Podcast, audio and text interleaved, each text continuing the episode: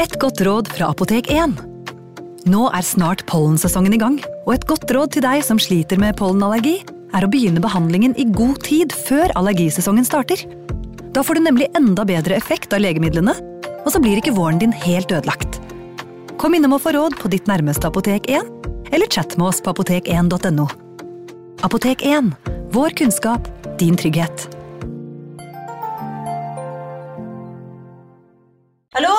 Jeg kommer fra Oslo politikammer.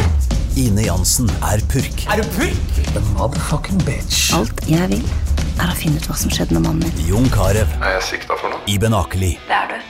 Ole So, Lars Berrum og Big Daddy Karsten. Hvem sin side er du på, egentlig? Anette Hoff, Tone Danielsen, Kommer du fra Afrika? Jørnis Josef, Nesten kløfta. Trond Espen Seim, Det er synd å si det, men det var feil mann som døde. Purk. Premiere tirsdag på TV2 Play. Ungsamtalen fra DNB er økonomisk veiledning tilpasset deg som er ung. Bokk en ungsamtale på dnb.no. slash ung. Det er kjempebra hvis du skal inn på boligmarkedet, hvis det er drømmen din, liksom. Det er det du skulle sagt. Og så kunne du ropt litt mer, da, sånn som jeg gjorde. Bam! Advarsel. Denne podkasten inneholder skildringer av ekte drap og kriminalsaker som kan være støtende for enkelte.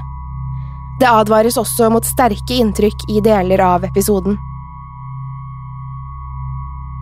Folk strømmet ut av den lille lokale kinoen vest i Los Angeles etter kveldens visning av den nye storfilmen som alle snakket om.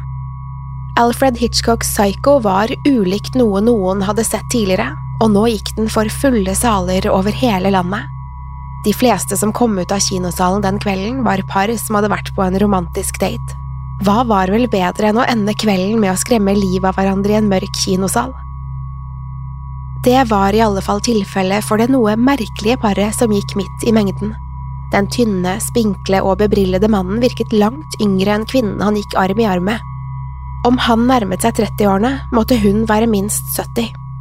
Folk hadde stirret på dem da de gikk inn i salen, og nå stirret de igjen.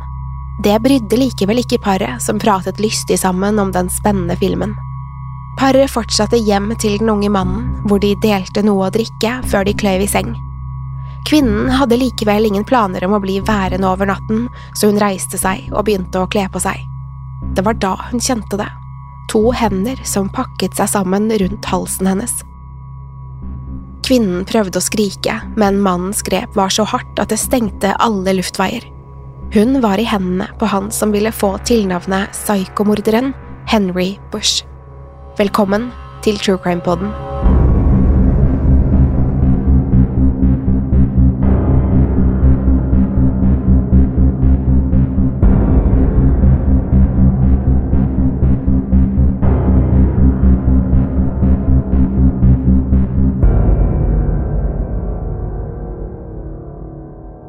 Henry Adolf Bush ble født den 30. desember 1931 i California og skulle få en tøff start på livet. Ved fødselen hadde moren hans helt plutselig lidd av et epileptisk anfall, noe som gjorde henne svært redusert i ettertid. Dette førte til at lille Henry var underernært de første par månedene av livet. Moren hadde rett og slett ikke overskudd til å ta seg av sin nyfødte sønn, som trengte henne mer enn noe annet i verden. Til slutt orket hun ikke ansvaret for barnet lenger, og bestemte seg for å gi Henry bort. Hvor det ble av henne etter at hun forlot sønnen, var det ingen som visste. Det var heller ingen som visste hvor Henrys far var blitt av, eller hvem han var, for den saks skyld. Det skal også ha vært usikkert hva som egentlig skjedde med Henry etter at moren hans forsvant. Kanskje endte han opp på barnehjem eller i en fosterfamilie. Det eneste som er sikkert, er at han etter hvert skulle bli plukket opp av sin egen halvsøster May Bush. Hun adopterte ham og oppdro ham som han var hennes eget barn. Det var sannsynligvis det beste som kunne ha hendt Henry akkurat da. Han bodde i Los Angeles med May og ektemannen hennes, som eide en populær restaurant og tjente gode penger. De ga Henry et trygt og stabilt hjem som han aldri hadde opplevd tidligere. Likevel skulle ikke alt være like rosenrødt hjemme hos familien Bush. Selv om livet var forutsigbart hjemme hos hans nye adoptivfamilie, skal ikke May ha vært den mest moderlige rollemodellen Henry kunne fått. Hun var ofte kald og følelsesløs, men aldri direkte slem. Selv om Henry levde relativt trygt, manglet han en morsfigur i livet. Akkurat det skulle bli et verkende tomrom som Henry skulle slite med å fylle resten av livet. Som om ikke det var ille nok, ble Henry også kraftig mobbet på skolen. Han var liten og spinkel, og gjorde det verken bra i fysiske eller teoretiske fag. I tillegg slet han med voldsomme hodepiner som gjorde det så godt som umulig å konsentrere seg om noe som helst, i alle fall skole og fag. Dermed gikk som regel skolearbeidet fort i vasken. Det var altså få lyspunkter i unge Henrys liv. Han hadde ingen venner, fant ingen glede i skolearbeid eller fag, og var mye syk. Hjemme fikk han ingen støtte, verken for det ene eller andre, og dermed vendte han seg til den eneste som så ut til å bry seg, en eldre kvinne som var en venn av familien, som het Elmira Miller. Hvordan de to fant på å tilbringe tid sammen, var det ingen som visste, men Elmira ble snart som en mor for unge Henry. De ble svært nære med tiden, og det var sannsynligvis takket være henne at Henry kom seg gjennom barndommen og ungdomsårene. Dette sterke forholdet skulle bare fortsette å blomstre med tiden, og ble svært viktig for Henry. Etter hvert gikk Henry inn i 20-årene, og da bestemte han seg for å verve seg til militæret. Dette var midt under krigen i Korea, som skulle bli en svært turbulent tid for verden generelt. Ingen kunne riktig skjønne hva Henry hadde i militæret å gjøre. Han var fremdeles spinkel og liten, og hadde aldri vist noen interesse for Forsvaret tidligere. Likevel reiste han av sted i 1952, da han var 20 år gammel. Henrys motivasjon for å melde seg til tjeneste skulle likevel snart bli tydelig og brutal. Under oppholdet i Korea dukket opp en situasjon hvor Henrys tropp hadde tatt en kinesisk soldat til fange. Den som fikk jobben med å passe på krigsfangen, var ingen andre enn Henry Bush. Dette var øyeblikket Henry hadde ventet på muligheten til å for en gangs skyld ha makten over et annet menneske. Henry hadde stått og stirret ned på den skadde soldaten, og plutselig hadde han fått et innfall. Han ville skade fangen ytterligere. Med ett hadde han løftet opp bajonetten sin og hugget til mot mannen på bakken. Stikket hadde vært så voldsomt at fangen døde på stedet. Til tross for Henrys blodige bajonett klarte han å overbevise ofrene sine om at fangen hadde dødd av skadene han allerede hadde. Dermed slapp han unna med sitt aller første drap, og det skulle ikke bli det siste. Selv om drapet på krigsfangen ikke hadde fått fysiske konsekvenser for Henry, skulle det han hadde gjort være med ham i tankene selv etter tjenestetiden.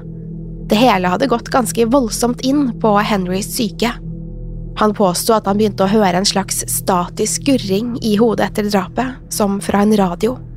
Uansett hva han gjorde, forsvant ikke lyden, og snart utviklet det seg til å bli en høyfrekvent pipelyd som ved en tinnituslidelse. Mot slutten av 50-tallet flyttet Henry tilbake til Los Angeles. Der fikk han seg en egen liten leilighet og en jobb på en brillefabrikk som glasspusser. Det var enfoldig og lite givende arbeid, men det betalte i det minste regningene. Utenom det krevde ikke Henry stort mer av jobben sin. Det var omtrent på denne tiden at Henry begynte å interessere seg for en kriminalsak som akkurat da gikk sin seiersgang i nyhetene. Det gjaldt saken mot den beryktede serieovergriperen og ransmannen Cheryl Chessman. Chessman var blitt dømt til døden for overgrepene sine, men hadde unngått bøddelen gang på gang. For Henrys nærmeste virket det omtrent som om han holdt med Chessman i saken. For Henry var Chessman uskyldig dømt, en mann som kjempet mot sine egne mobbere, i dette tilfellet det amerikanske rettssystemet. Likevel virket det som det også var noe annet forlokkende ved Chessman som Henry interesserte seg for nemlig en slags beryktethet som kun fulgte de som hadde gjort noe virkelig grusomt. Henry, som så å si bodde i Hollywood, så en ny sjanger vokse frem på det store lerretet. Oppskriften var enkel. Jo flere og mer blodige drap, desto flere solgte kinobilletter. Publikum krevde en morder, og for hver nye film som ble laget, var det mer blod som gjaldt. Med denne tanken i hodet bestemte Henry seg for å besøke en gammel venn som han ikke hadde sett på lenge, den nå 74 år gamle Elmira Miller. I mai 1960 hadde Henry banket på Elmiras dør. Han var nervøs og tørr i munnen. På den ene siden visste han hva han hadde kommet for, og allikevel var han ikke sikker på om han ville klare å gjennomføre det. Henry svelget hardt en gang, og plutselig gikk døren opp. Foran ham sto en smilende Elmira, sjeleglad for å se ham igjen. Det hadde vært så lenge siden sist, og nå hadde de mye å snakke om. Hun inviterte ham inn og trakk en kanne te til dem. Så satt de og pratet sammen i flere timer. Henry fikk ikke med seg et eneste ord av hva Elmira sa, men nikket og smilte til den eldre kvinnen i sofaen. I hodet hørte han kun den statiske skurringen, og nå var den høyere enn noen gang. Likevel forholdt han seg rolig. Timene gikk, og plutselig var det blitt så sent at Henry følte han burde bevege seg hjemover. Elmira reiste seg fra sofaen for å følge Henry ut, og da var det som det svartnet helt for ham. Det eneste han kjente, var en ustanselig trang til å drepe. Med ett kastet han seg over Elmira og grep tak om halsen hennes. Den eldre kvinnen hadde ingenting å stille opp med mot Henry. Han var kanskje spinkel, men han var i det minste ung og sprek. Før lang tid var gått, lå hun urørlig og langstrakt på gulvet. Henry sto over den eldre kvinnen han en gang hadde sett på som en mor, men følte ingenting. Det eneste han tenkte på, var hvordan han skulle slippe unna med drapet. Henry bestemte seg for å iscenesette det hele så det så ut som et seksuelt motivert innbrudd. Det gikk nemlig en bølge av slike drap gjennom Los Angeles på den tiden, så det var det perfekte dekket. Henry rev opp Elmiras klær før han snek seg ut bakdøren og forsvant i natten. Elmiras lik skulle bli oppdaget allerede neste morgen. Da hjemmesykepleien kom for å se til henne, fant de henne utstrakt på stuegulvet med store, røde merker rundt halsen. Det var et grusomt syn som skremte sykepleierne voldsomt.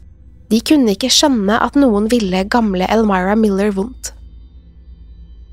Politiet ble straks kontaktet, og som Henry hadde forespeilet, så de drapet i sammenheng med de andre lignende hendelsene.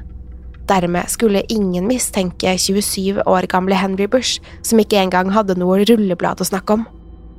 Mens politiet etterforsket det brutale drapet, gjorde Henry det han kunne for å holde hodet lavt. Han gikk på jobb hver morgen, oppførte seg helt normalt og skulle til og med finne nye bekjentskaper. På brillefabrikken jobbet det nemlig en kvinne på hans alder som het Magdalena Parra.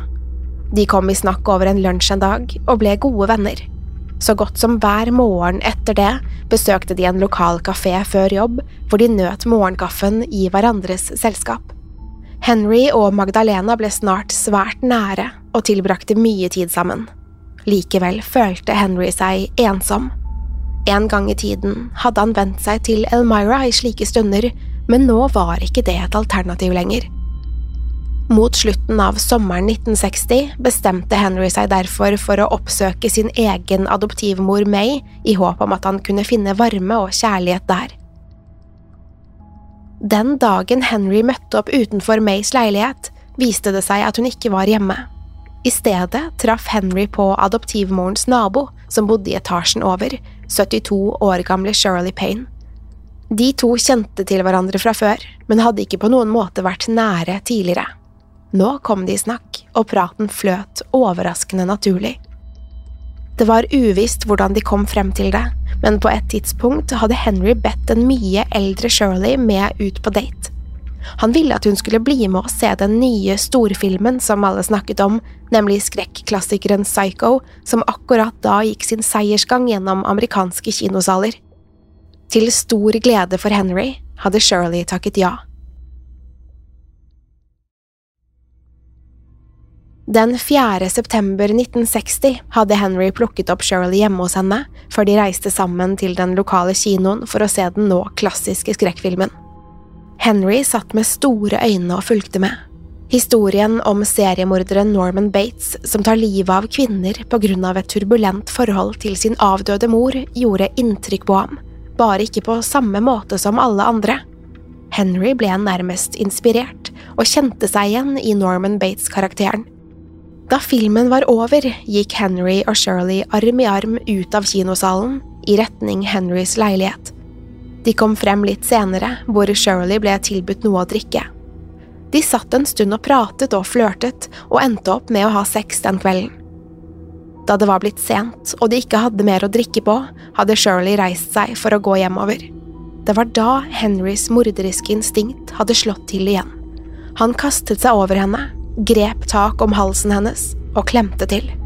Shirley ble så overrasket at hun ikke klarte å foreta seg noe som helst. Hun bare lå der mens Henry klemte luften ut av henne. Med ett hadde Henry stoppet opp og stirret ned på Shirley, der hun lå og gispet etter luft på gulvet. Da fikk han plutselig en idé. Han bandt Shirley på hender og føtter før han fant frem en tegneblokk og en blyant. Så begynte han å tegne en skisse av henne. Dette var tydelig et øyeblikk Henry ville huske, og skissen ble som et trofé. Så snart skissen var ferdig, fortsatte Henry der han slapp. Han grep tak om Shirleys hals igjen og kvalte henne til døde med bare nevene. Nå var det bare et spørsmål om hvor han skulle gjøre av liket. Denne gangen hadde de ikke vært i offerets leilighet, så han kunne ikke iscenesette noe. Han var nødt til å finne på noe annet, og det fort. Løsningen fant han snart i en gammel sovepose han hadde gjemt bort i et skap. Han dro den ut av trekket og foldet den ut på gulvet. Så trakk han den over Shirleys hode og kropp til den dekket henne helt. Henry snurpet igjen soveposen før han bandt et tau rundt den, på samme måte som han hadde bundet Shirley da hun var i live. Da liket var pakket inn, lot Henry det ligge igjen på stuegulvet mens han selv la seg til å sove. Der ble det liggende til neste dag uten at noen helt vet hva Henry gjorde med det. Han forlot ikke leiligheten sin den morgenen og ble værende frem til kvelden, da han endelig bestemte seg for å gå ut. Igjen i leiligheten lå liket av Shirley Payne fullt synlig på stuegulvet. Etter at han forlot leiligheten, reiste Henry til sin tante, 53 år gamle Margaret Briggs. Hun hadde også vært en viktig kvinne for Henry i barndommen, omtrent som Elmira Miller hadde vært. Likevel reiste ikke Henry dit for en hyggelig visitt. Han hadde nemlig med seg en kniv i beltet og langt mer grusomme intensjoner.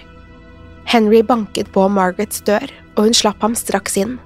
Der satte de seg i sofaen, hvor de pratet sammen i timevis. Akkurat som hos Elmira hadde Henry fått enkel servering før han og Margaret satte seg til for å se på TV sammen. Mens de satt der og stirret på skjermen, kjente Henry den statiske skurrelyden i øret, samtidig som trangen til å drepe svulmet i ham. Plutselig klarte han ikke vente lenger. Han kastet seg over tanten og grep tak om halsen hennes, akkurat som med de to tidligere ofrene. Likevel var det noe annerledes denne gangen. Mens Elmira og Shirley hadde vært lette å overmanne, hadde Margaret kjempet imot med nebb og klør. Hun kastet seg rundt og slo over ende flere møbler mens hun forsøkte å vri seg løs fra Henrys grep. Det skulle likevel ikke være nok til å redde henne. Med ett fikk Henry lagt Margaret i gulvet og pakket hendene rundt halsen hennes. Han klemte og klemte til det ikke var pust igjen i henne. Nok en gang stirret han ned på en kvinne som nærmest hadde fungert som en mor for ham i barndommen. Likevel følte han ingenting der han sto. Da han var sikker på at Margaret var død, fant Henry frem kniven sin fra lommen. Den brukte han til å skjære opp Margarets klær, slik at det skulle se ut som om hun var blitt seksuelt mishandlet. Dermed ville politiet nok en gang tro at det var en del av seksualdrapsbølgen i Los Angeles. Henry ble i Margarets leilighet hele den natten, uten at han noen gang skulle avsløre hva han faktisk gjorde der. Før han dro fra tantens leilighet, rasket han med seg vesken og bilnøklene hennes. Han stjal bilen og kjørte av sted mens Margarets lik ble liggende igjen på stuegulvet i hennes egen leilighet. Etter å ha kjørt fra leiligheten dro Henry rett til jobben på brillefabrikken. Der traff han på sin gode venninne Magdalena Parra, som han pleide å drikke kaffe med om morgenene. Henry stanset bilen ved siden av henne og spurte om hun hadde lyst til å bli med til den vanlige kafeen. Det ville Magdalena gjerne, og hun satte seg inn. De kjørte det lille stykket til kafeen, men innså snart at den ikke hadde åpnet ennå. Derfor spurte Henry om de i stedet skulle reise til en annen kafé han visste om. Magdalena trakk på skuldrene og satte seg inn i bilen igjen. Hun kikket bort på Henry, som satt stille og så på henne, med bilnøkkelen i hånden. Magdalena skulle til å spørre hva han ventet på da Henry plutselig gikk til angrep. Det var tydelig at han ikke hadde slukket blodtørsten sin ennå. Han forsøkte å gripe tak om halsen hennes, akkurat som han hadde gjort med de andre ofrene sine, men Magdalena hadde ingen planer om å bli Henrys neste offer. Hun skrek og kjempet imot. De voldsomme bevegelsene hennes gjorde det umulig for Henry å få skikkelig tak på henne, og hun vred seg ut av hendene på ham. Heldigvis hadde ikke Henry låst bildørene, og med ett hadde Magdalena klart å åpne passasjerdøren og komme seg ut. Hun satt på sprang nedover veien mens hun skrek etter hjelp av full hals. Henry fikk straks panikk. Om Magdalena kom seg unna, kunne hun avsløre ham på flekken. Han satte bilen i gir og forsøkte å vri om nøkkelen, men bilen ville ikke starte. Derfor kastet han seg ut døren og satte etter Magdalena alt han maktet. Hun var allerede et stykke foran ham, så nå gjaldt det å være rask. Jakten langs veien skulle snart tiltrekke seg oppmerksomhet. To lastebilsjåfører i hver sin bil kom kjørende og fikk øye på den hylende kvinnen med en mann hakk i hæl. De forsto straks at dette ikke var noen lek. Kvinnen var i fare, og de var nødt til å gjøre noe. Omtrent samtidig hadde de to lastebilsjåførene stoppet bilene sine og hevet seg med i jakten. Snart hadde de tatt igjen Henry, og begge to kastet seg over ham. De overmannet ham uten problemer og holdt ham nede frem til politiet ankom stedet. Så snart det hadde dukket opp en patruljebil, ble Henry arrestert, siktet for å ha forsøkt å overfalle Magdalena. Verken hun eller politiet visste noe som helst om alt Henry hadde foretatt seg i løpet av de siste par døgnene. Det skulle de likevel snart få greie på. Før Henry ble satt i politibilen, fant de kniven han hadde brukt til å skjære opp klærne til Margaret. De konfiskerte våpenet og kjørte ham mot politistasjonen. Før de kom så langt, skulle de likevel få en overraskelse de ikke hadde regnet med. Helt uoppfordret begynte Henry å tilstå drapene på Shirley Payne og Margaret Briggs. Han tilbød seg til og med å vise politiet hvor de kunne finne likene Henry skal ha smilt hele veien til politistasjonen og under innrømmelsene som om han var stolt av det han hadde gjort. Så snart Henry satt i varetekt, reiste politiet til adressen han hadde oppgitt. Der skulle de ganske riktig finne likene av nettopp Shirley Payne og Margaret Briggs. Det skulle likevel ikke bli slutten på Henrys innrømmelser. Mens politiet undersøkte de to åstedene, kom det nemlig en tredje tilståelse. Henry fortalte at han hadde tatt livet av enda en kvinne flere måneder tidligere. Det han innrømmet, var drapet på Elmira Miller. Det var ikke noen tvil om at Henry snakket sant. Shirleys lik ble funnet hjemme hos Henry selv, innpakket i soveposen, mens Margaret var i sitt eget hjem, akkurat der Henry hadde sagt hun ville være. Når det gjaldt Elmira, var Henrys beskrivelser for detaljerte til å kun være gjetninger. Dermed ble han siktet for samtlige drap og stilt for retten i 1961. Her skulle det først bli gjort et forsøk på å erklære Henry utilregnelig, men da det ikke fungerte, skyldte Henrys advokater på filmen Psycho. De mente filmen hadde rotet med Henrys sinn og gjort ham til en morder. Denne forklaringen trodde ikke juryen på, og Henry ble ikke bare erklært tilregnelig, han ble også funnet skyldig og dømt til døden for de tre drapene. I mellomtiden satt han i en celle i St. Quentin fengsel, hvor han skulle få et år til å tenke over det han hadde gjort. Den 6. juni 1962 ble 30 år gamle Henry Bush ført inn i gasskammeret og skulle aldri komme ut igjen. I ettertid skulle Henry få tilnavnet psykomorderen nettopp fordi mange koblet drapene hans til Alfred Hitchcocks film fra 1960. Det er i alle fall ingen tvil om at Henry kan ha blitt inspirert av filmens antagonist Norman Bates. Han spilte hyggelig og gjestfri en stund, før han slo til når ofrene minst ventet det. Henrys mangel på morskjærlighet kan ha gjort ham til en morder, og blodtørsten hans var uten tvil ustanselig.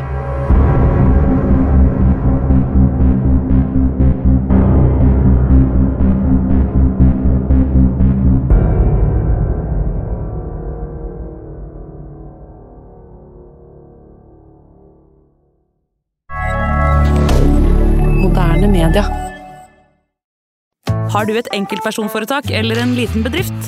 Da er du sikkert lei av å høre meg snakke om hvor enkelt det er med kvitteringer og bilag i fiken, så vi eh, gir oss her, vi. Fordi vi liker enkelt. Fiken superenkelt regnskap. Hei! Takk for at du lytter til True Crime Podden. Skulle du ønske at du kunne høre en ny episode av denne podkasten hver eneste uke? Vel, da er det bare å laste ned podkastappen Untold med en gang. I tillegg til ukentlige episoder av podkaster som Skrekkpodden, Synderne og Henrettelsespodden, får du masse annet reklamefritt og eksklusivt innhold. Last ned Untold i AppStore eller Google Play, og start din 30 dagers prøveperiode i dag.